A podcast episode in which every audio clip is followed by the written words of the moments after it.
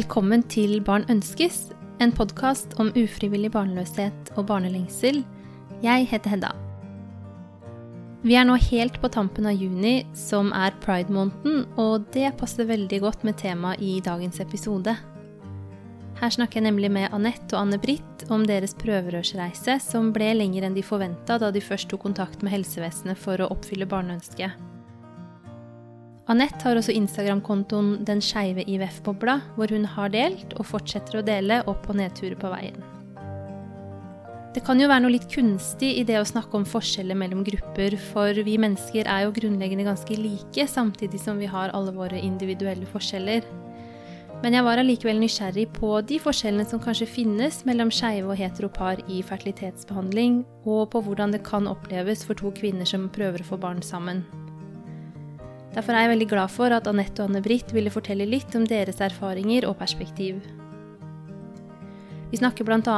om tanker om et fremtidig barneønske når man er ung og skeiv, om at noen kan ha med seg noe ekstra bagasje som kan gjøre det ekstra utfordrende å gå inn i fertilitetsbehandling som skeiv, om fordommer og forutinntatthet og tanker rundt bruk av donor og barnets genetiske opphav. Og så snakker vi en del om de mer praktiske sidene ved fertilitetsbehandling for to kvinner, som hvordan det med utvelgelse av donor egentlig fungerer i Norge, og å velge hvem som forhåpentligvis skal bære frem barnet.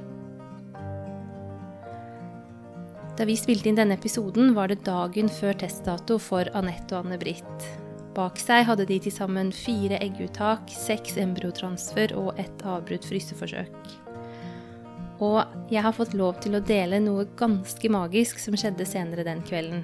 For da fikk jeg nemlig en melding fra Anette med et bilde av deres aller, aller første positive graviditetstest noensinne. Damene har jo fortsatt noen nervepirrende uker og måneder foran seg, men det var bare så stas å få ta en liten del i den første viktige milepælen, og nå krysser jeg fingre og tær for dem videre. Og så håper jeg at det også gir litt håp for dere der ute som fortsatt venter. Men dette visste vi altså ikke da vi spilte inn denne episoden. Jeg nærmer meg nå en podkastpause igjen, og jeg har ikke helt bestemt meg for når eller hvordan jeg kommer til å plukke opp tråden igjen. Men jeg har fortsatt noe materiale som jeg satser på å få ut i løpet av sommeren, så følg med videre. Og jeg kommer til å sjekke innom e-post og sosiale medier fremover, og jeg blir alltid veldig, veldig glad for å høre fra dere. Dere finner meg på Instagram og Facebook under Barn ønskes, og på e-post på barnonskes.gmail.com. Denne podkasten er jo noe jeg lager her ved spisebordet mitt uten noen form for økonomisk støtte eller annen hjelp. Og jeg vet at gjestene mine også har brukt både tid og energi på å forberede seg og dele noe som kan føles nært og personlig. Og for både meg og dem føles det godt å vite at podden når ut til flest mulig av dem som kan ha nytte av den. Og det kan dere hjelpe meg med å få til ved å dele i deres kanaler, tipse en venn, eller abonnere og rate der dere lytter. Jeg ser at det stadig kommer nye lyttere til som går tilbake og hører på de tidligere episodene, og tenker at det betyr at dette er temaer som ikke går ut på dato med det første. Så jeg håper dere finner noe å glede dere over der ute i sommerværet, og at dere vil sette pris på episoden med Anette og Anne-Britt.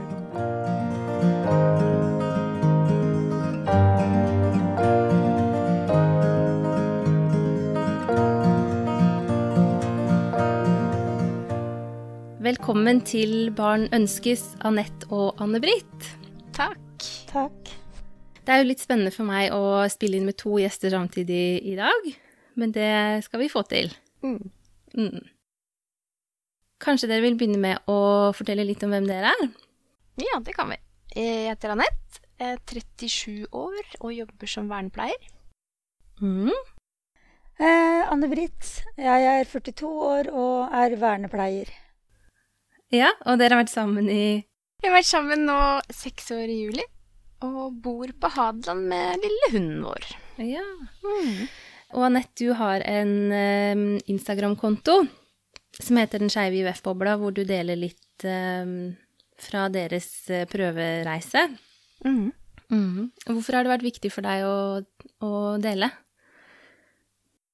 Nei, både Altså, det hele starta egentlig med at jeg ville ha det litt sånn en liten minnebok for meg sjøl. Har liksom ikke hatt noe at det skal spres til så mange, egentlig. Men nå, to år etterpå, så syns jeg det er jo fint å kunne vise det perspektivet også, da. For det er jo hovedparten, føler jeg, er jo heterofile par som har sånne kontor, eller heterofile damer som er i prosessen, da. Så sånn sett så syns jeg det er jo fint å kunne ja, bruke den kontoen også til å vise at det fins litt flere familiekonstellasjoner her rundt forbi òg, da. Ja, og jo, du tok jo kontakt med meg og, mm, for en god stund siden og lurte på om, eh, om jeg hadde vurdert å, å løfte det skeive perspektivet i poden, og det hadde jeg jo allerede tenkt på. Men og syns det var veldig fint at du spurte om, for jeg også tenker at eh, jeg, I hvert fall for min egen del så er det liksom fint å kunne speile seg litt i noen som, som går gjennom en del av det samme, da. Eller som Altså, mye er jo likt, men som vi skal snakke om litt etter hvert, så er det kanskje noen ting som er litt annerledes òg. Mm. Mm. Men um, sånn for lytternes del, da, for de som ikke har um, fulgt deg på Instagram, Anette, kan dere ta en liten sånn håper jeg, kortversjon av prøvereisen deres? Ja. Nei, vi starta jo i 2017, sånn som alle andre, da, med time til fastlege for å få henvisning til hjelp. Og da blei det jo så klart litt undersøkelser og sånn før vi ble sendt over til Riksen. Eh, og sjølve Da måtte vi vente et år da, fra, fra, fra, da vi ble godkjent til vi kom i gang. Da. Så vi begynte i slutten av april i 2018 med første forsøket da, på Riksen. Hvorfor måtte dere vente så lenge? Var det bare pga. vente, ja, vente på kø? Mm. Mm. Pluss at det første, ja, det kom jeg på nå, at vi i utgangspunktet så søkte jo vi egentlig til Porsgrunn. Fordi på det tidspunktet som vi ble sammen, så bodde jeg i Skien. Og da har vi også hørt mye bra om den, den avdelinga i Porsgrunn. Men så gikk det jo ikke ja, Kanskje i to dager så fikk vi en telefon at det ikke var mulig, da. For det um, hjalp ikke lesbiske par. Så da ble den sendt oh. videre. Nei. Og jeg tror, jeg, Så vidt jeg har skjønt, så virker det som at jeg, de har ikke så mye med, med donor å gjøre. Det er det som var grunnen. Ok. Mm, der er det mer at du har skal si har de, har de, delene som trenger for å lage barn, men trenger hjelpa. Så, så, så det kan være at det tok bitte litt lengre tid for det, men uh, på det tidspunktet så var det ca. et år ventetid, da. Ja. Så nå har det jo gått to år. Vi er nå på fjerde forsøk. Gått over til privat. Og har da hatt seks innsett og ett avbrutt tiendeforsøk på Riksen. Mm. Mm. Aldri fått noe blasto, og heller aldri sett noe positiv test. Nei. Nei. Så det begynner å bli um, Det begynner å bli en lang reise. Ja, absolutt. Mm. Så nå går vi Vi har faktisk testdato i morgen, så nå er vi veldig, veldig veldig spente, for å si det mildt. Åh, det, det er veldig, veldig spennende. Jeg er så Åh. spent på deres vegne òg. Ja. Vi fikk jo satt inn et uh, skoleeksemplar av en embru, embro, tredagers som han eh, embryologen kalte det, og fikk faktisk også for første gang tre blastocytter til frys. Nei, to, unnskyld. To blastocytter til frys, så det har jo vært helt Ja, den runden der har vært noe helt annet. Mm. Så vi er ja, veldig, veldig spente. Ja, det skjønner jeg godt. Mm. Um, hvis vi får tid, så tenkte jeg vi kunne snakke litt om den der overgangen fra offentlig til privat uh, på slutten. Men uh, jeg har mange spørsmål til dere, så vi får se hva vi rekker. ja. ja. Mm. Men um, har dere um, Jeg får spørre deg, Anne Britt, først. Da. Har du alltid visst at du ønska deg barn? Ja, eh, for så vidt. Uh, men jeg, jeg var, var, litt sånn treig, på en måte. Jeg har vært litt sånn rastløs sjel, så jeg har bodd ti år i Thailand og sånn, så jeg har farta mye rundt, og plutselig så blei jeg liksom voksen, da. Mm. og så har jeg egentlig ikke hatt en kjæreste som jeg har følt at jeg har vært trygg på, kanskje. På den måten, før jeg traff Anette, da. Og da ble det jo at vi traff hverandre jo når vi var litt voksne, da, så blei det som det blei. Men etter det så har vi egentlig bare egentlig følt at det er riktig, begge to, tror jeg. Mm. Hva med deg, Anette? Mm. Uten tvil. Det er akkurat det samme. Ja, men det eneste som var at uh, Jeg hadde jo faktisk tenkt på det. At uh, jeg skulle prøve dette aleine, faktisk. Helt, helt i starten, før jeg møtte Anne-Britt også. Fordi, ja, som sier, man hadde ikke møtt noen som hadde lyst til å liksom dele det med. Så jeg var jo veldig glad når vi endelig traff hverandre, og vi ville det samme, da. Mm. Og nå ja, jeg kunne ikke bedt om å fått en bedre mamma enn henne, så, så, ja, så jeg håper at det ja, kan bli snart. Det hadde vært fint. Mm. Jeg hadde lyst til å snakke med dere litt om det, eh, det der med å, å være ung og skeiv og eh, kanskje lure på hvordan fremtiden blir i forhold til det med å få barn og sånn. Um, fordi at um, jeg følger en Instagram-konto som heter To mammaer, hvor det er ja, to mammaer som eh, deler fra liksom hverdagslivet med den lille datteren deres. Og for lenge siden så delte de en um, melding som de hadde fått fra en um, fra en følger, som var ei ung jente som skrev det at uh, Ja, nå husker jeg ikke helt ordrett, men hun skrev noe sånt som at Takk for at dere viser at det går an å få liksom den kjernefamilien med to mammaer, fordi at jeg har vært redd for å liksom anerkjenne min egen legning fordi at jeg har vært redd for nettopp det at det vil være vanskelig å kunne få barn.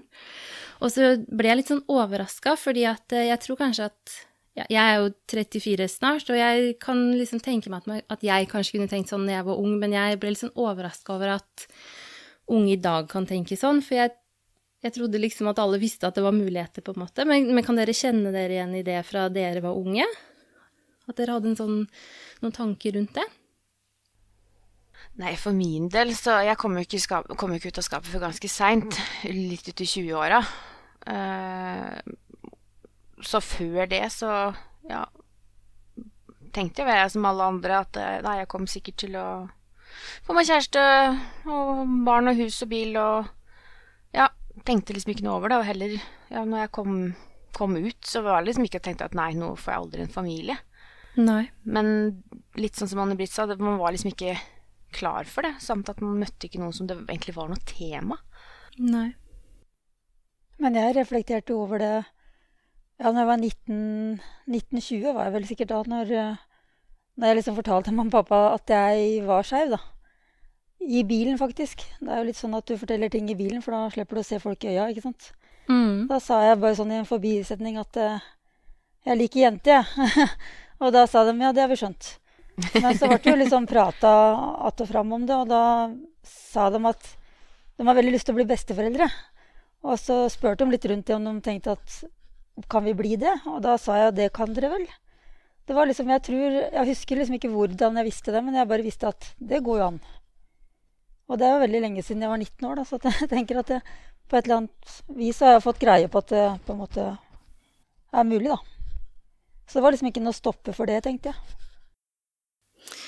Ja, nei, for jeg har liksom prøvd å, å tenke litt over det. Har jo um, Nå har jo assistert befruktning til um, til lesbiske vært tillatt og tilbudt i Norge siden 2009, vel, så det er jo ikke mer enn et drøyt tiår, faktisk. Men, men, Danmark og sånn har jo vært tilgjengelig lenge før det. Mm. Mm.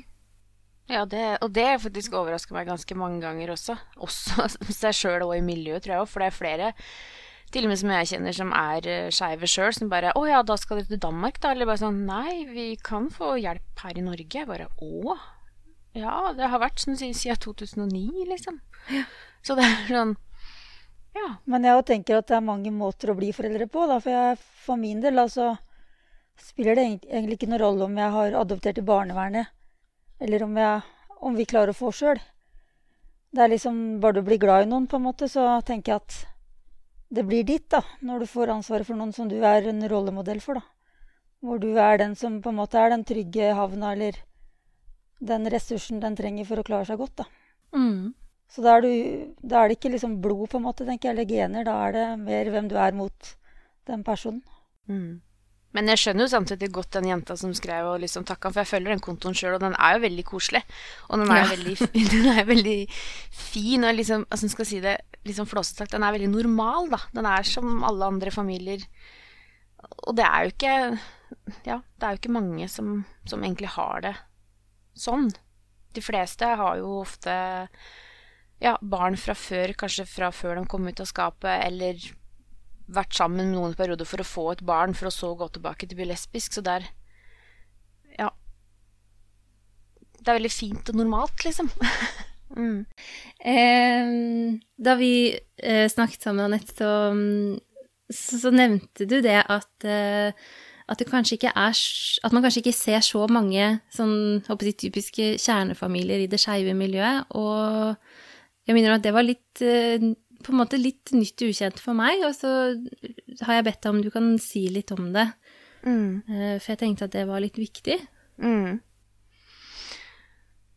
Ja, det er jo Ja, helt ærlig så syns jeg faktisk det er litt vanskelig å snakke om. Fordi jeg vil liksom ikke tråkke noen på tæra, men samtidig så sitter jo jeg med en erfaring og, hva skal jeg si, refleksjon rundt ja, det skeive miljøet jeg har vært eh, i hvert fall en liten del av før. Og der var det jo dessverre mange da, som sliter spesielt psykisk. Um, og det er også mange som ja, fra tidligere har også traumer og har blitt også misbrukt som liten. Så når du blir voksen, så har det jo gjort at de har ja, vanskelig med seg sjøl og kanskje ikke klart å fullføre skole. Kanskje klarer ikke å jobbe. Og det har jo liksom gjort at de ja, kanskje ikke har de samme ressursene, da, for de har egentlig mer enn nok med seg sjøl. Det er mange som også ikke engang klarer å finne seg kjæreste. Mm. Ja, for det er jo litt som vi snakka om da, at um, det å gå inn i en prosess med assistert befruktning, det det krever at man har noen ressurser på plass. Både selv om vi har et offentlig tilbud i Norge, så er det, det er en egenandel på medisiner. Og dessuten så er det jo det er jo en del utlegg, så man må på en måte ha litt økonomiske ressurser. Og man må liksom ha I hvert fall hvis det trekker ut litt i tid, så opplever jeg at man virkelig får gått helt ned i kjelleren og hente opp de ressursene man har sånn mentalt, da. Mm. Absolutt. Mm. Det tenker jeg også, for det er jo Igjen, jeg må bare basere på mine erfaringer, så er det jo så mange som ja, på grunn av det med utdannelse og jobb, det har ikke det beste forutsetninger økonomisk. Og så hvis du legger på en psykisk diagnose eller to, så gjør det jo at du ja, kan ha økonomiske vansker av det òg, på bakgrunn av åssen sykdommen din er, f.eks. F.eks. bipolar, at du har høye perioder og bruker masse penger. Og, så jeg har jo sett mange som allerede sitter med en gjeld. Så bare det Altså, forstå meg rett, men de, bare de 20 000 ish som du er i offentlig for å få hjelp, det er Ja, kan føles som to millioner for noen. Mm. Og da, som du sier, i tillegg da kanskje ikke er den sterkeste mentalt, for man har ja, nok med seg sjæl, da. Så skjønner jeg det at det Ja, det kan stoppe opp prosessene for mange, da. Mm.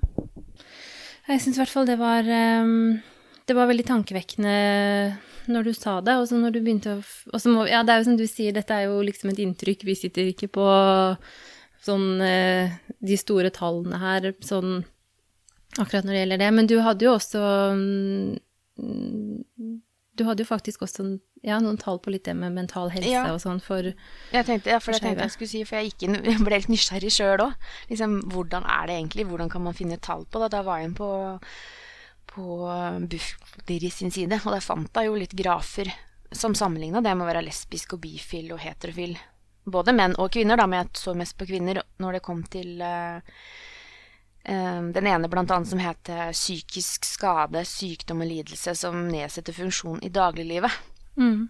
Og der var det jo ganske stor forskjell med tanke på at heterofile kvinner hadde 12% lesbiske hadde 26 og bifile hadde 33. Og det Ja, det viser jo litt at det er Det blir, ja, det blir noen tilleggsvansker for noen, da. Mm. Men om, ja, om det er direkte knyttet opp til legning eller som vi om i stad, erfaringer eller traumer, det er jo ikke godt å si. Men det er generelt sett større andel da, som sliter. Mm. Av forskjellige årsaker, da. Kan jeg få skyte inn noe der? Nå har jeg en videreutdanning i tverrfaglig psykososialt arbeid med barn og unge. Uh, og jeg kan jo en del om risikofaktorer og beskyttelsesfaktorer i et barns liv, da.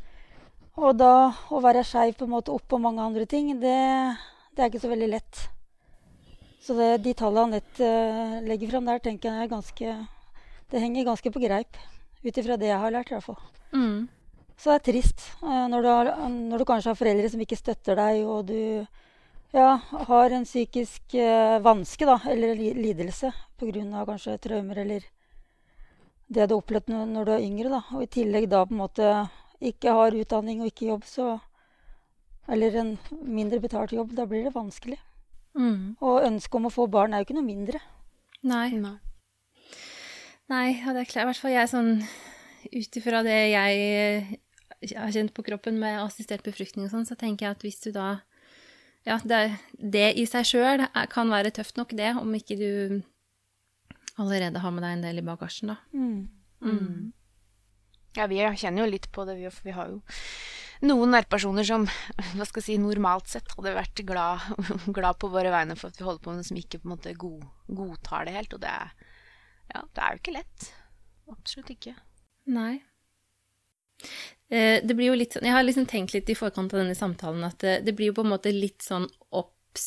Eller det er alltid noe litt sånn kunstig med det å snakke om sånn forskjeller mellom heterofile og homofile, for eksempel. Fordi det er jo alltid større variasjon liksom mellom individer enn mellom grupper, egentlig. Men så lenge det er det som er tema, så tenker jeg at da kan vi snakke litt om det, og så må bare de som lytter, huske på at liksom eh, vi, vi, vi vet at eh, det er ikke sikkert alle vil kjenne seg igjen i dette heller, på en måte.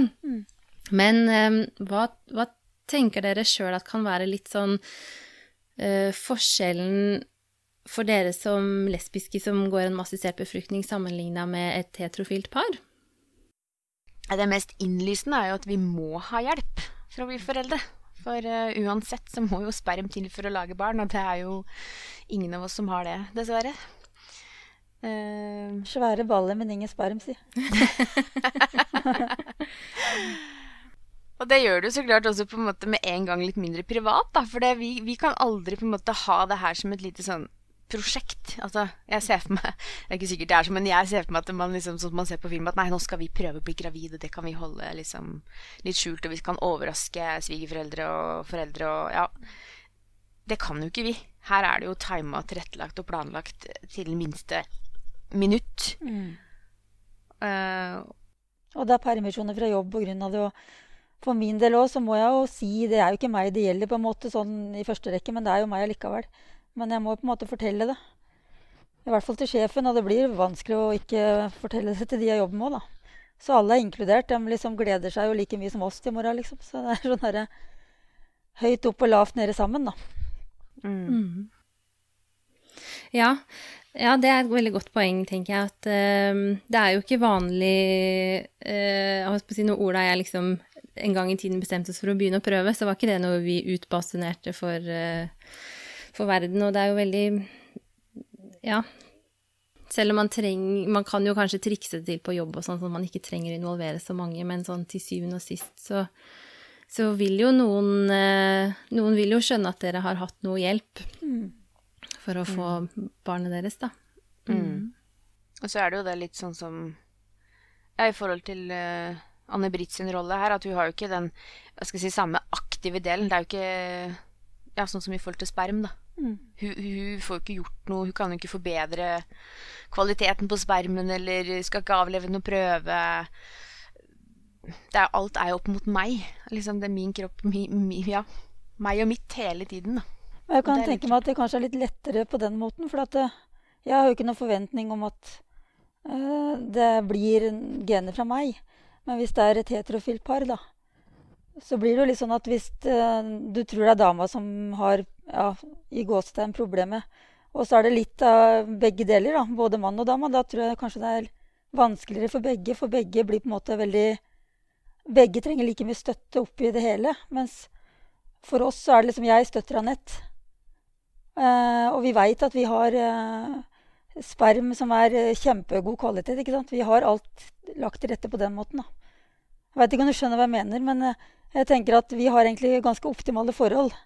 Mm. Eh, kontra kanskje når et heterofilt par kanskje at det er litt dårlig både her og der. da. Så blir det litt sånn der vanskelig for begge parter. Og kanskje menn har jo litt vanskeligere for å Eller mange har mer vanskelig for å vise følelser enn damer, så de kanskje ikke får den støtta de trenger. Jeg veit ikke. Nei. Jeg vet jo at det er en del menn som føler seg veldig sånn eh, kjørt ut på sidelinja i den prosessen her. At eh, At når de er på klinikken, så snakker man liksom bare til Særlig hvis det kanskje er kvinnelig faktor, da. At eh, man snakker liksom bare til dama og henvender seg bare til henne, og at man blir litt sånn eh, At man ja, blir litt tilsidesatt. Har du kjent noe på det, Anne-Britt? Eh, ikke sånn egentlig. Jeg veit jo at på en måte det handler om Anette. Men jeg føler meg jo veldig mer inkludert kanskje i den, det private som vi er i nå, da, kontra det offentlige. Mm. Til tross for koronatiltak. Ja, ikke sant. Så at uh, Ja, der veit de hvem du er, liksom. Selv om du ikke har vært inne med den én gang, kanskje, så de, er de på fornavn med deg. da. Du føler deg inkludert. Så det er jeg veldig overraska, eller positivt overraska over. Mm. Og så er det så klart Det er jo ikke til stikkende stol at jeg veit jo, til tross Ja, Anne-Britt er jo jente. Jeg veit at hun veit hva det vil si å ha mensensmerter. Hun veit hva det vil si at du må ha sjokolade visse dager i måneden. Og hun veit hvor ekkelt eller ubehagelig ja, å sitte i den gynekologstolen er. For det har jo hun gjort. Det tror jeg ikke en mann på en måte kan skjønne helt fullt ut.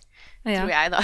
Ja, for dette er jo et sånn område hvor, det, hvor jeg føler det blir veldig sånn lett å generalisere. Men jeg har jo snakka med flere gjester i poden om det der med at det kan være at det er forskjell på menn og kvinner, og hvordan man reagerer, og, um, og hvor lett det er for mannen å sette seg inn i situasjonen. Men, uh, og selvfølgelig så er det kjempestore forskjeller fra mann til mann og fra kvinne til kvinne. Men um, jeg tenker jo at ja, bare, bare som du sier, Anette, bare det å vite åssen det er å klatre opp i den stolen. det er liksom um, Det er på en måte noe fint i det, da. ja. ja, ikke sant. Det hjelper veldig, på en måte. Mm. Og ikke minst som dere. Jeg hadde aldri klart det. Det er veldig sånn, ja. Ai, fy. Ja, det er, det er, å klatre opp i den stolen. Du føler at du bestiger et fjell, og hun har gjort det mange ganger, mens jeg gjør det veldig sjelden nå.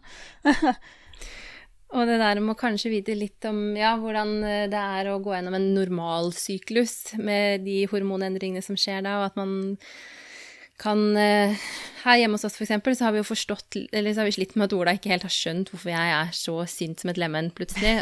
Sånn helt irrasjonelt. Og det er jo blås helt ut av alle proporsjoner. Men det, er noen ganger jeg tenker sånn at det hadde vært godt hvis du hadde visst åssen det var å ha PMS. Mm, ja. Ikke sant. For da hadde du kanskje skjønt det litt mer, i hvert fall. Mm. mm. Er det andre ting dere har tenkt på som dere tror kan være um, annerledes? Nei, for oss så vil jo det aldri på en måte bli et barn som er laga av oss to. Vi må på en måte ha en annen faktor, en fremmed faktor inn i på en måte her for at det skal bli et barn, da. Og så klart, det kan jo også skje med hetero at de må bruke donor for all del, men sånn normalt sett så, så er det jo på en måte to stykker blir glad i hverandre, og to stykker klarer å lage et barn av hverandre. Og det vil jo vi aldri få. Og det kan jeg kjenne på til tider. Det er jo litt sårt, for jeg skulle jo virkelig ønske at det var halve, Anne-Britt og halve meg. Mm. Men jo mer jeg tenker over det, jo mer jeg også reflekterer, så er jo på en måte arv Nei, arv er jo ikke det viktigste. På en måte Miljøet er jo den Anne-Britt er, den vil jo hun på en måte gjøre det barnet uansett. Med åssen hun er å finne på ting og Ja. Så det er, det er, litt sånn annerledes at Tenk det at to stykker kan lage det barnet sammen. Det kan jo ikke vi. Så det er jo litt sånn Men jeg tenker òg liksom sånn Nå er det jo litt andre tider i forhold til på 70-tallet, da var jeg skeiv. Så vi har kommet ganske langt. Vi kunne jo, De som vokste opp da, kunne jo ikke engang tenke tanken på det. Nei. Og var de single og ikke kunne ha kjæreste, ikke kunne få barn, da.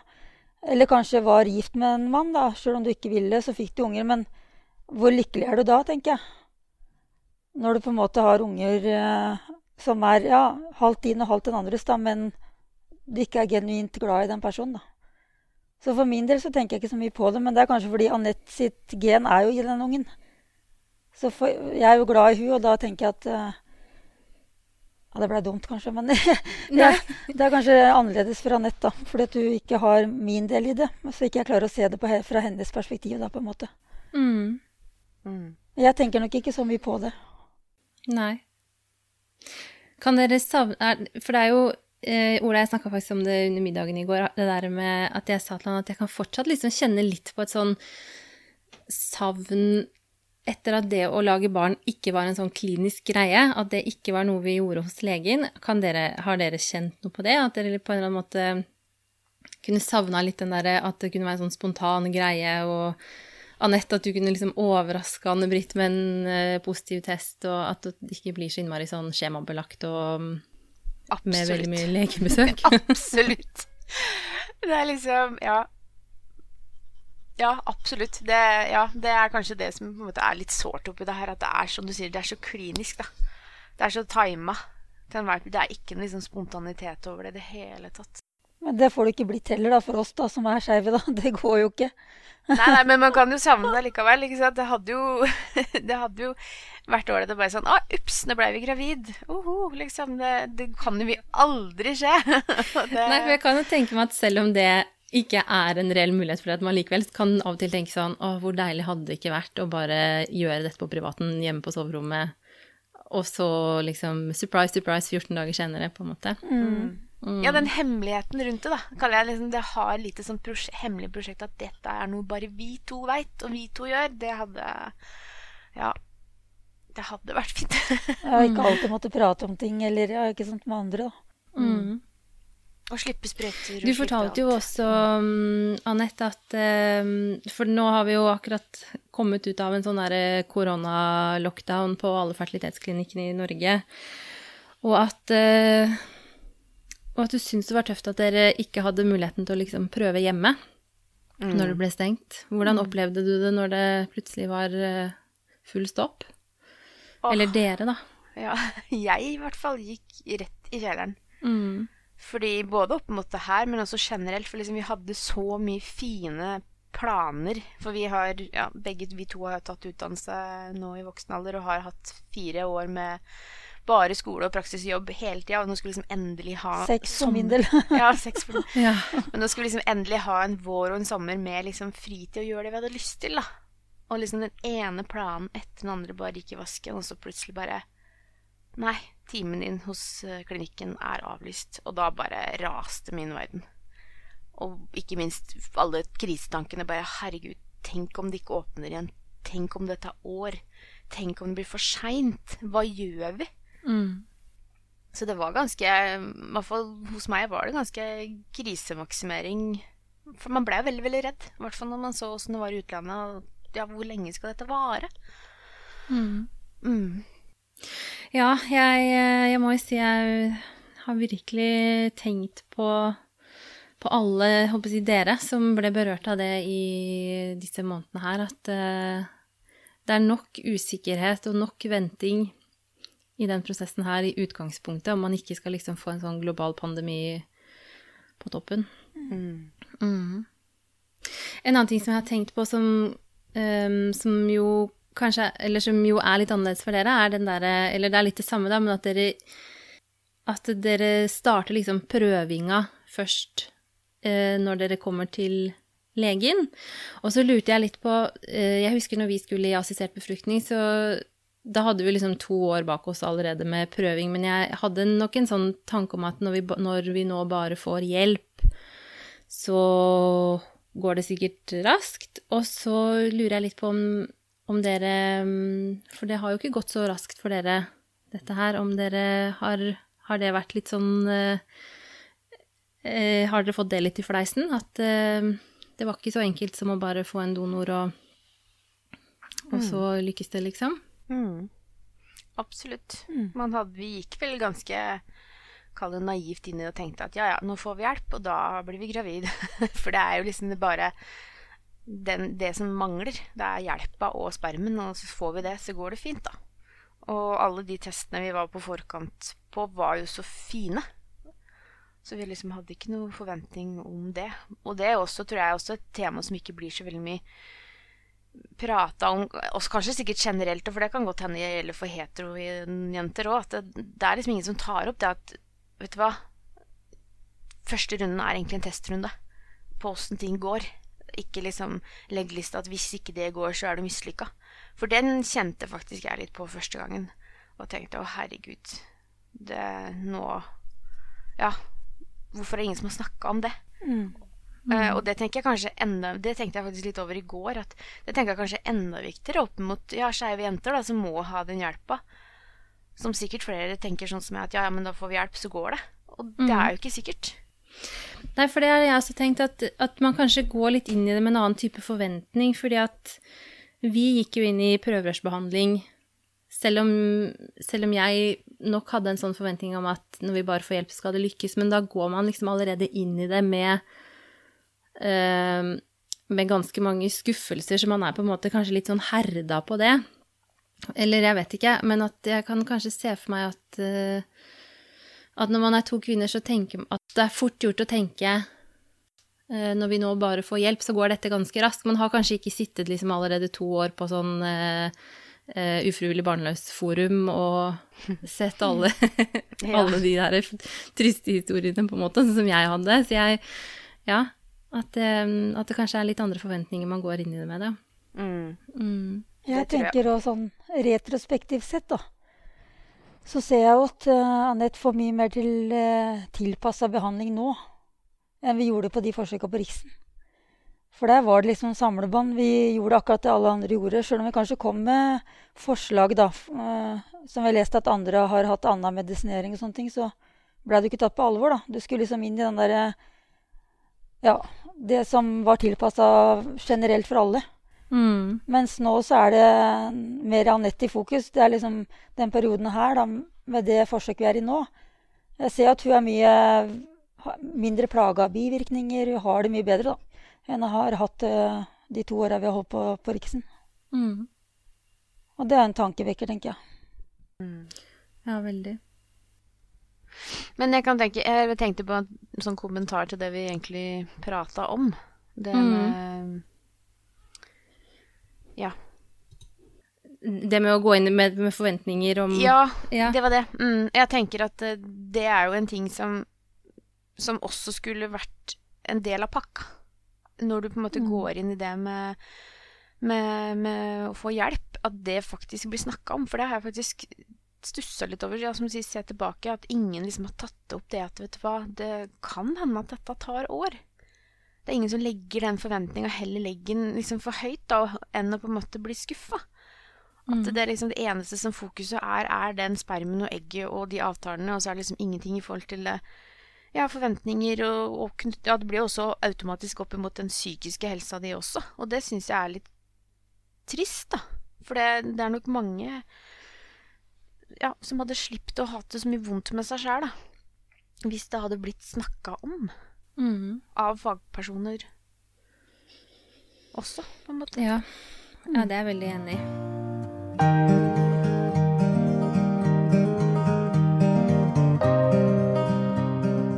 Men hvis vi skal snakke litt sånn um, om de litt mer praktiske sidene, da, hva som uh, kanskje kan være litt spesielt for, um, for uh, to blivende mammaer som gjør dette sammen.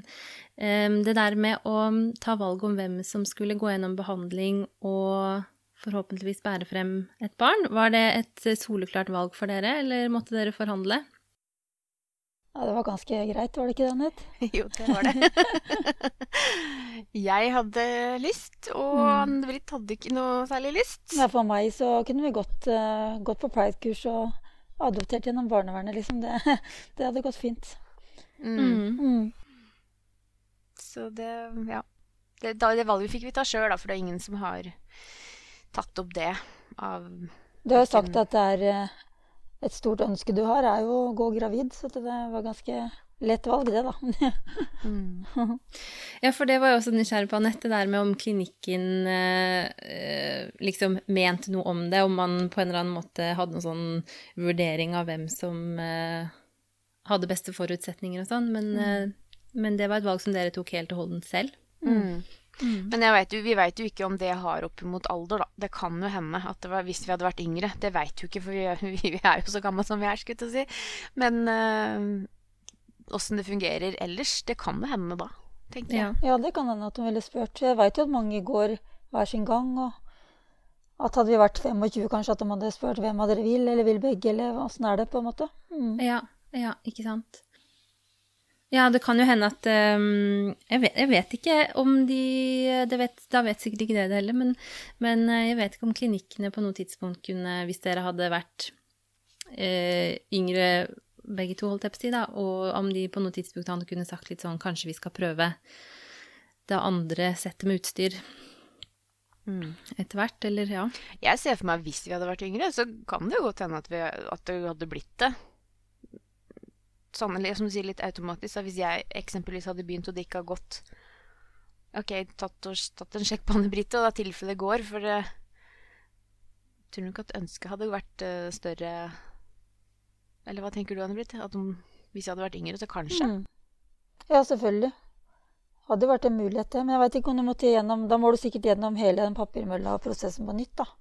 Det tenker jeg er logisk, i hvert fall at du ikke bare kunne Nå er det jo faktisk snakk om ehm, med den nye bioteknologiloven at man eh, at man kan bruke egg fra den ene og liv Jeg håper å si at den andre bærer frem. Mm. Som jo er en fin mulighet, da, hvis man hvis man eh, vet hvem man vil at skal bære frem barnet, men den som skal gjøre det, kanskje ikke har um, høy eggreserve eller et eller annet sånt. Så det er jo en veldig fin mulighet. Mm. Men eh, det er dette med donor, da, som eh, nå um, Jeg har faktisk heller ikke hatt en gjest i poden som har fortalt om det med å bruke donorsperm, så derfor så så er jeg liksom litt nysgjerrig på det. Um, og så lurer jeg på hvordan, hvordan funker det sånn praktisk i Norge? Fordi jeg har sett noen eh, sånn dokumentarer og sånn fra utlandet, hvor man liksom sitter med en eh, diger perm med masse informasjon om donor og sånn, men det er vel ikke helt sånn det er her? Nei. det er vel kanskje en, en ting som kanskje overrasker oss mest, hvor lite tid det blir brukt på. Det er gått fort gjort begge steder. Uh, på Riksen så var det bare helt i starten, jeg husker ikke hvilken samtale. Om det var, var, den første. var den første? Ja. Mm. Og da var det det eneste vi kunne si noe om, var hvilke farger på hår og øyne, samt høyde. Uh, og da tok vi jo Anne-Britt sine farger og litt over 1,80, tror jeg vi, noe sånt. Og det var det. Ja. Ikke mer prat om noe mer. Fikk ikke vite noe mer hvem den personen eller sånn var, eller noen ting. Men, snak, men snakker de no, snakker, de, snakker de noe med dere om håper jeg tanker og følelser rundt det å benytte donor? Nei. Får man liksom noe veiledning på det? For det kan jo være både for eh, lesbiske kvinner, men også for heterofile menn som har bruk for donor, så kan det jo komme opp en del spørsmål om ja, jeg hadde jo en, eh, lansert en episode, eller la ut en episode med Tone Bråten om eggdonasjon i går, og hun sier at eh, veldig mange liksom veldig tidlig tenker hva skal vi si til barnet, og hvordan skal vi liksom på en måte forholde oss til dette litt sånn litt større spørsmålet, da. Men, men snakka de noe om det, eller var det liksom ikke tema? Nei, ingenting. Det tar sånn fem minutter, kanskje, når du har velger ut på en måte farger og høyder, og så er det over. Da er det liksom bare i gang. Og privat, der blei det jo litt annerledes, for der måtte vi jo Der eh, det var, Igjen, da, vi var jo under koronatiltak, så da var jeg på legekontoret. eh, og Anne-Britt var med via FaceTime. Ute på Fornebu vel. Ja. og da var det så enkelt og systematisk som at ja, legen logga seg på spermbanken, la inn de kriteriene vi hadde, da, igjen i forhold til hår og øyenfarge og høyde. Bling, der kom det opp eh, fem stykker. Leste opp veldig raskt, igjen da hårfarge, øyenfarge, høyde, yrke og nasjonalitet. Og egentlig så blei det bare en sånn kjapp prat oss tre imellom. Litt sånn Ja, den passa ikke, den passer ikke Eller den passer kanskje. Litt sånn Ja, han er over 1,80. Ja, det passer fint, for begge våre foreldre er over 1,80. Mm. Um, ok, den her er dansk ja, den her er, ja, første var vel hun kom på, var også norsk, da. Men her er den russisk. Ok, kanskje trekka blir litt annerledes, for det er ingen av oss som har noe Hva skal jeg si, russisk eller um, Det var russisk-polsk det kom opp, ja. Vi har ingen av oss som har det i slekta. Og så bare Ja, nei, men da tar vi den, og her har du en ID, og så tar du kontakt med spermbanken, og så bestiller dere. Det Så sånn- litt sånn der etterpå. Var den 1,83 eller var den 1,86? Litt usikker. Ja. Dansk var den, og ung. Sikkert veldig ålreit. Så det var det vi kom fram til. Men syns dere det er greit at dere ikke vet mer, eller? For jeg tenker at på en måte så kan man jo kanskje være nysgjerrig, eller at man vil vite, men samtidig så så syns jeg personlig synes at det er noe litt fint i at man ikke begynner å grave seg helt ned i detaljene, for jeg tror det kan bli veldig overveldende å skulle ta det valget da. Ja, for da blir det litt mer sånn du leser ei bok kontra å se på en film. Da, at du har din tanke om hvordan den ser ut, kanskje. Kontra hvis du har en film så nei, det er ikke sånn jeg ville at den skulle se ut. Så vi lever jo i trua at det er optimalt, dette her, da. Sammen Anette. Så. Ja, og jeg var jo for lenge siden Jeg tror kanskje det var i den vent, på det venteåret. For du kan jo lage deg profil eh, på sånne spermbanker og gå inn og så se, da. For det er jo mange som har altså kalle det sånn åpne profiler. Og jeg blei jo, som du sier, sånn som du så på den eh, serien eller filmen du har sett, ganske overvelda. For der var det Det var som et sånn portrettintervju med alle mulige spørsmål. Det var familietre, det var brev som du fikk se håndskrift. Du fikk høre stemmen, at han leste det brevet. Du fikk se barnebilder. Altså det eneste du egentlig ikke fikk se, var personen som voksen, da. Eh, og til og med noen av dem så var det kommentar fra de ansatte. Han ligner på den og den eh, skuespilleren. og det var sånn derre Åssen skal du velge? Og så husker jeg at jeg leste Eller først leste et brev, og så hørte jeg Det var to stykker som jeg gikk inn på, da. Og begge to hørte med en gang at det var danske, for det var sånn den danske aksenten. Og sånn han ene som bare Å, han hørtes litt kul ut. Dreiv med noe sånn derre motorsport og Ja, litt sånn friskus, da. Og så gikk du liksom og hørte på stemmen og bare Å, han hørtes ikke koselig ut i stemmen. Nei, han hadde ikke koselig stemme. Ja, for det er det jeg kan se for meg. At man kan bli ja. sånn Nei, å nei, jeg kan ikke ha Eller han skriver som en kråke. Nei, guri malla, tenk om ungen får den håndskrifta. Nei og nei. Ja, Liksom. det hadde han jo fått uansett, da, for det, min skrift er jo Så det var liksom sånn Ja, på en måte så er jeg veldig glad for at man slipper å skal sitte med en sånn kalle katalog og skal velge, velge deg halvt i hæl, for det er sånn Hva skal du velge etter til slutt? Men samtidig så er det også litt rart at ja, hvis du skal ha den praten seinere, bare Ja, hvem er donoren min? Nei, vi er ganske sikre på at han er dansk. Eller vi vet han er dansk. Mener han er som sagt 1,85 nå. Han gikk da på high school eller eh, university, eller hva det sto. Og, og hva var det siste var, da? Jo, han har blå øyne og halv, eller mellomblondt hår. Det er liksom, du får ikke sagt noe mer, og det er jo litt rart, det også. mm. Så Jeg syns det er helt greit, tenker jeg. Ja. ja. Ja. Men det var jo som å gå inn og bestille en bildel, liksom. Det Ja, føltes litt sånn Skjønn. Den var fin, denne trenger dere. Gå og bestill, og så ta med den tilbake til verkstedet, så fikser vi det. Det var litt den derre ja. feelingen, liksom. Så det er overraskende lite tid som blir brukt på det, da, for å si det sånn. Jeg kan tenke på at det er verre for heterofile enn for skeive. For som sagt, vi trenger, trenger den delen, da. Mens kanskje for menn som ja, du føler at du ikke er tilstrekkelig, at du ikke kan bidra med det du skal, da. Og så blir du bare kasta inn i noe som går altfor fort. Igjen da, den psykiske helsa oppi det hele, da. Kanskje at det skulle vært brukt i hvert fall mer tid på det på de heterofile, tenker jeg. Jeg håper det. Jeg håper inderlig at de gjør det. Mm. Mm. ja, jeg håper også det. Og, og også nå som eggdonasjon skal bli tillatt, som også kan være et sånn vanskelig valg for noen, da. Mm.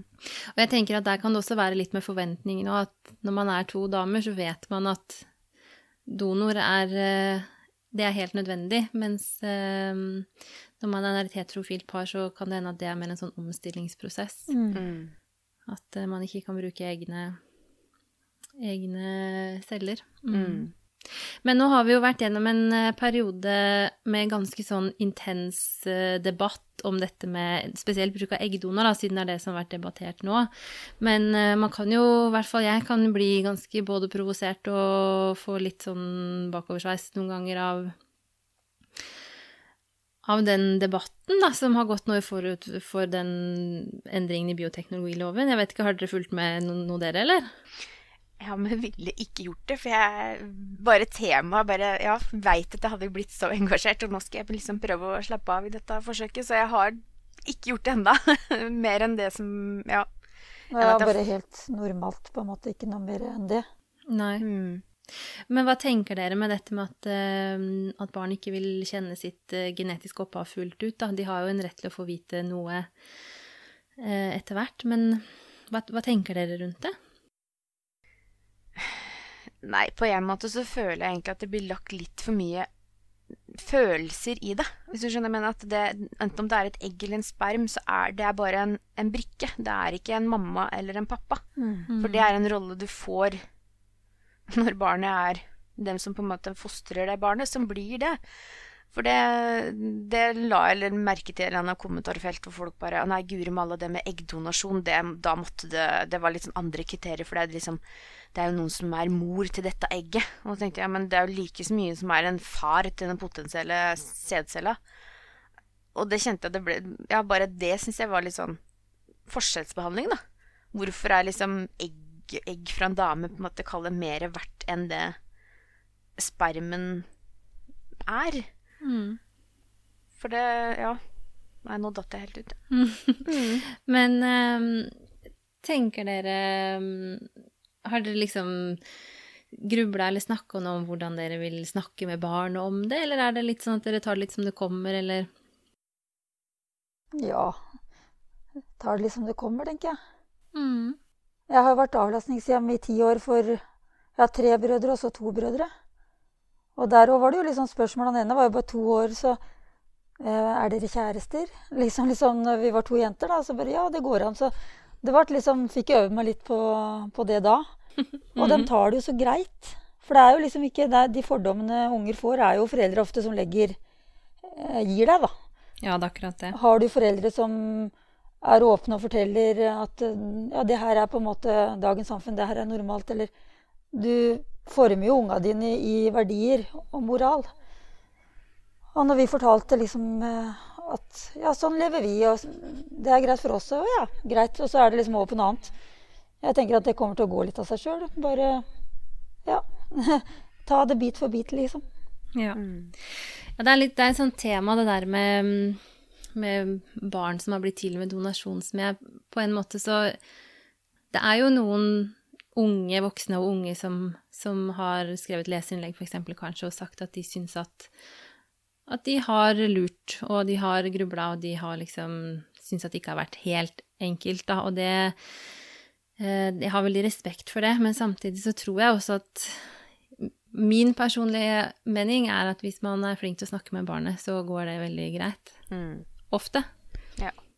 Men um, ja. Er, leste, det er litt morsomt. Jeg leste en bok for, eh, for dattera mi som er fire her. Eh, vi, vi, snakker jo litt om frø og egg, og hun vet liksom litt hvordan ting blir til, da. Men eh, så leste vi en bok vi lånte på biblioteket en som heter noe sånn 'Vilma har to mammaer', eller noe sånt. Og, hvor det liksom er to damer, da. Og så forklarer den boka bare helt enkelt litt om at de har fått låne noen frø av en snill mann og sånn. Og Nikoline, hun syntes ikke det var noe rart. Det var liksom én ting hun var opptatt av i den boka, og det var at hun jenta hadde sånn blinkesko. Mm. Mens resten er liksom helt sånn eh, Ja, at uh, hun liksom aksepterer det helt fullt ut at det går an, og det er ikke noe rart for henne. Det er liksom du sier, Anne-Britt, at fordommene kommer jo gjerne fra foreldrene. Mm. Mm. Eller andre voksenpersoner. Eller andre voksenpersoner, ja. Mm. ja. Når de man blir eldre. Eller kanskje også fra andre andre unger, selvfølgelig, men det kommer jo liksom fra de voksne, da. Mm. Jeg håper at vi Jeg håper liksom at samfunnet blir mer og mer sånn at uh, vi ikke påfører barna våre så mye sånne fordommer. Mm. Ja, uff, det har vært nok av det nå i det siste også. Mm. Men ja, det var jo Jeg tenker på den situasjonen vi var på besøk til, uh, til uh, Anne-Britt, du, du kan jo huske ikke den vi var besøkte. Vi har jo to bekjente som har adoptert gjennom barnevernet, to gutter. Mm. Og så var vi jo der før jul. Uh, og dem, eller dem har jo gått fra hverandre, da. Og var besøkte hun ene og hadde begge gutta der. Og dem er jo oppvokst, da, med de to mm. damene. mm. Men til og med da så måtte jo le litt, da, for han jo satt og bare kikka på oss og bare er dere kjærester? så, så, til tross for at de på en måte er vant med at to jenter kan være sammen, så måtte jo han òg spørre. Liksom. Ja, for det var liksom ikke sine mammaer. Ja, jeg syns fortsatt det var, det var litt uvanlig, ja. liksom? Ja. Mm. er det flere enn bare, enn bare, mamma og mamma som, ja. som lever sånn? Ja. Så da måtte hun si det. Ja, sånn som meg og mamma, eller, eller hva man kaller det. Mm. Ja. Å mm. oh, ja, ok. Ja, men det er greit. det er liksom Så de er veldig enkle sånn sett. Ja, ja. Mm. Venninna mi som har eh, Hun kjenner noen som har brukt donor. Og da hadde ungen liksom spurt hvem er pappaen min. Og da hadde hun sagt nei, det er, det er en donor. Og så hadde blitt spurt i barnehagen hvem er pappaen din? Nei, han heter donor, hadde, hadde den ungen sagt. da, Så det var liksom godsint, det òg. Det, det, er jo på en måte Sant? Han donor, ja. Ja. ja. Men møter dere på, på fordommer eller forutinntatthet eh, knytta til det at dere er to kvinner som vil ha barn sammen? Ikke som jeg kjenner på, men jeg har jo egentlig aldri gjort det heller, da. Nei. Jeg har kanskje bare oversett eller ikke vært venner med de som gir meg litt dårlig vibber, holdt jeg på å si. Men jeg har liksom aldri kjent på det sjøl om jeg er ei guttejente. Så jeg har aldri blitt mobba eller aldri blitt slengt stygge kommentarer til eller sånne ting. På jobb, og jeg jobber jo Vi er jo veldig mange på jobb. Det er jo ingen som gir uttrykk for at det er negativt. Jeg er liksom bare meg sjøl, da, på en måte. Jeg tror bare det, det er implisitt i meg at ja, hun er skeiv, og da enten så er de med, eller så er de ikke med meg, liksom. Det er litt den følelsen jeg har, da. Veit ikke du, Anette? Ja, som bare nevnt før, så har vi jo Vi har jo noen helt nært som ikke på en måte støtter i hvert fall det at jeg er skeiv, og har jo også sagt at det ikke er så veldig Ser jo ikke Det er ikke liksom normalitet over at to damer skal få, få barn, da. Mm. Så det er jo så klart sårt, og det har jo gjort til at man heller ikke har hatt kontakt de siste tre åra. Så Men sånn av dem som vi omgås til daglig, venner og familie og sånn, er jo bare støttende. Eh, men for all del kan det hende noen som kanskje tenker det litt annerledes. Ikke nødvendigvis negativt, men altså, syns det er litt annerledes. Men det, det er helt greit, tenker jeg. Mm, Og folk må få lov til å Ja.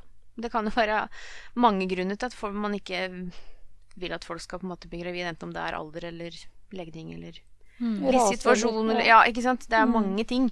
Men sånn i det store og hele så har vi en veldig fin heiagjeng. Både som du sier, både på jobb og, og rundt oss, da. Ja, så bra. Så Ja, for jeg vet jo, det gjelder jo på ingen måte bare skeive. Jeg vet jo veldig mange ufrivillig barnløse opplever jo å få mye litt sånn tankeløse og snåle kommentarer. Mm. Eh, Så det hadde jo liksom ikke overraska meg helt om dere også hadde kunnet råke på det, på en måte. Ja, Du kan jo bare gå på byen og pule, kan du ikke det? det er jo sånn, ja. Vi har fått eh, Ja. Man kan få noen rare kommentarer sånn sett. Mm. Og så tror jeg også folk glemmer seg litt at vi er to jenter, føler jeg. For det er sånn Ja, men du bare du slapper av, så blir du gravid. Nei, det Om jeg hadde ligget rett ut i et år og slappa av, så hadde ikke det hjulpet. For jeg må ha hjelp, jeg skjønner du. Å ja, Farah, stemmer det. det er sånn Mm. Så Ja. ja. Sånn generelt så tror jeg ikke Vi føler jo liksom at eh, vi er ja, har en heiagjeng, da. Mm. Ja, det er bra. Du, ehm, du nevnte det, Anette, at det ikke er så mange i deres vennekrets som har ehm, barn. Eh, og da ble jeg litt eh, Det var liksom sånn stor kontrast til vår vennegjeng, for i løpet av de siste åra så har nesten alle rundt oss fått barn, og det er jo litt sånn på godt og vondt når man eh, er eh, ufrivillig barnløs, da. Men hvordan, har, hvordan tenker dere at det påvirker dere? For min del, altså Nå er jo jeg hormonella og midt i, ja, i den runden der. Så så, det helt ærlige svaret er jo på en måte at det er veldig godt eller beleilig. For det, som du sier, det blir veldig, veldig sårt. Eh, så det er på en måte Nå har jeg jo på en måte vært sånn type i karantene pga. korona og alt, så jeg har liksom ikke omgått så mye folk. Så det jeg har liksom fått av input, er jo gjennom Facebook. Og ja, det har jo vært ganske mange graviditeter som har blitt annonsert i de siste tida. Mm. Uh, og det har jo vært fint da å på en måte ja, velge, da. Bare scroll forbi. Det går inn. OK, gravid, ha det. Jeg har liksom fått det med meg, men trenger ikke å forholde meg til det. Jeg tror jeg har skjønt det litt mer nå, da. For at uh, de første rundene så var jeg litt sånn Ja, men det går fint. Og jeg forsto liksom ikke helt åssen hun hadde det, da. Nei. Fordi jeg tenkte at ja, ja, ja har, hvis du har lyst på et eller annet, så ser du det ikke sant, overalt. Uh, har du lyst på unge, så ser du gravide, eller du ser jo barnevogner overalt. Hun la det liksom fram sånn, da, mens jeg bare Ja, men det er jo koselig, vi må glede oss på andres vegne. Og ja, sier hun liksom det Jeg veit det, men jeg klarer liksom ikke Det blir så vanskelig for meg, da. Og så var det her forleden, et par dager siden, skulle mamma liksom legge fram et bilde til tanta mi har fått, blitt bestemor.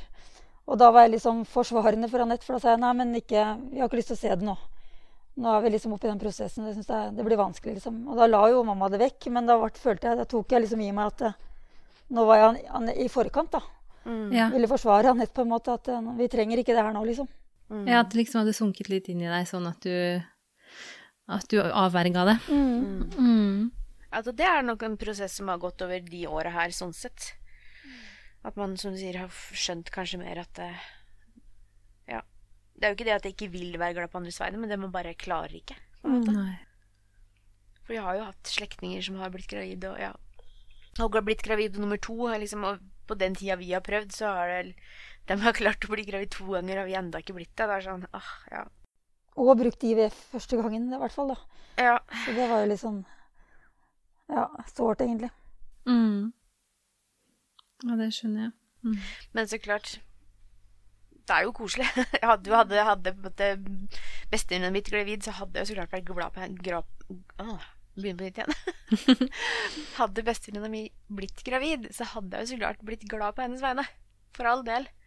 Og jeg måtte bare ha forholdt meg til det. Men Ja. eh, Men man får jo sitt eget Det handler liksom aldri om den andre. Det handler bare om seg sjøl ja.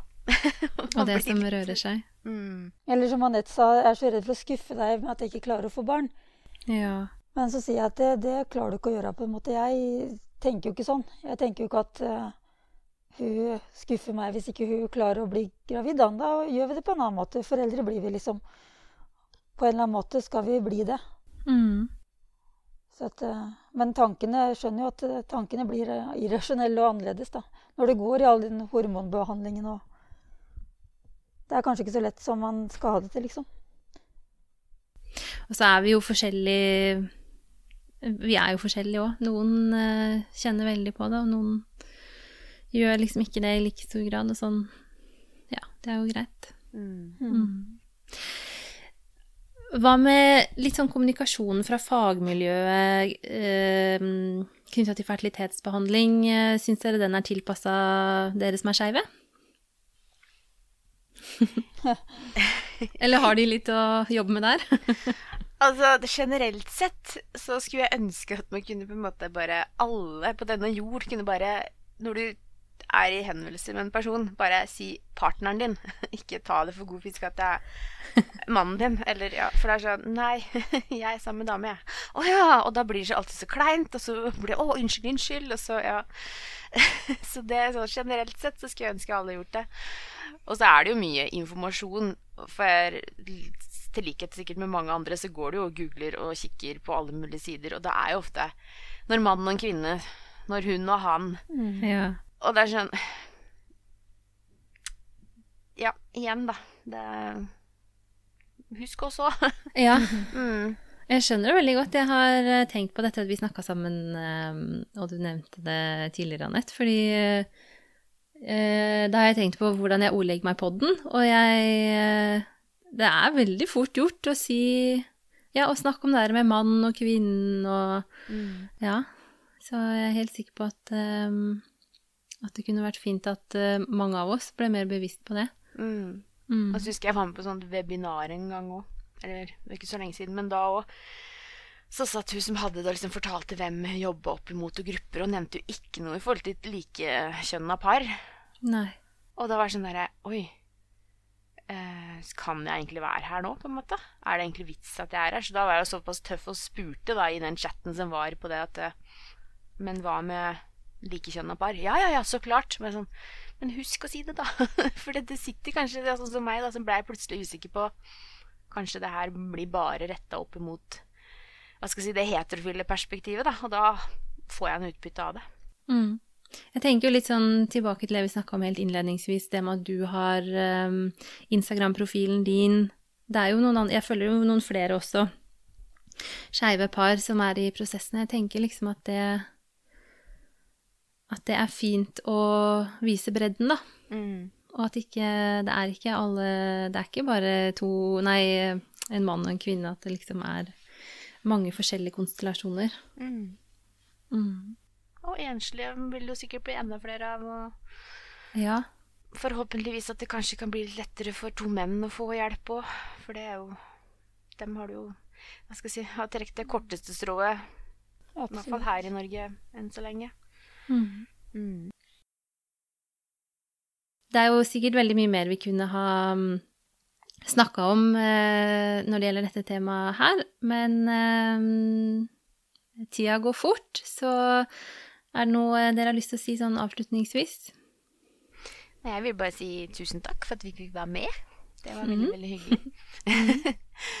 og så håper jeg jo så klart at noen eh, ja, andre skeive, da, går inn på profilen og følger oss. Og er det noen som lurer på noe om prosessen eller lyst til å bli, ja, få litt mer innblikk i det, så er det bare å ta kontakt. Enten om det er skeiv eller hetero. For uh, jeg setter veldig pris på den, uh, det nettverket da, som jeg føler er egentlig på Instagram, opp mot det å være prøver. Og det går også på tvers av legning, skulle jeg si. Jeg har fått mange ja, heterofile IVF-insta-venninner, som jeg skulle si. Mm. Både i Norge og i utlandet. Så det er bare å, å ta kontakt. Mm. Mm. Den skeive IVF-bobla. Jeg skal ja. linke, eller jeg skal tagge deg i, i sosiale medier og sånt, så folk finner deg. Ja. Men tusen, tusen takk for at dere, at dere ville komme hit og fortelle litt om deres erfaringer. Takk for oss. Takk for oss.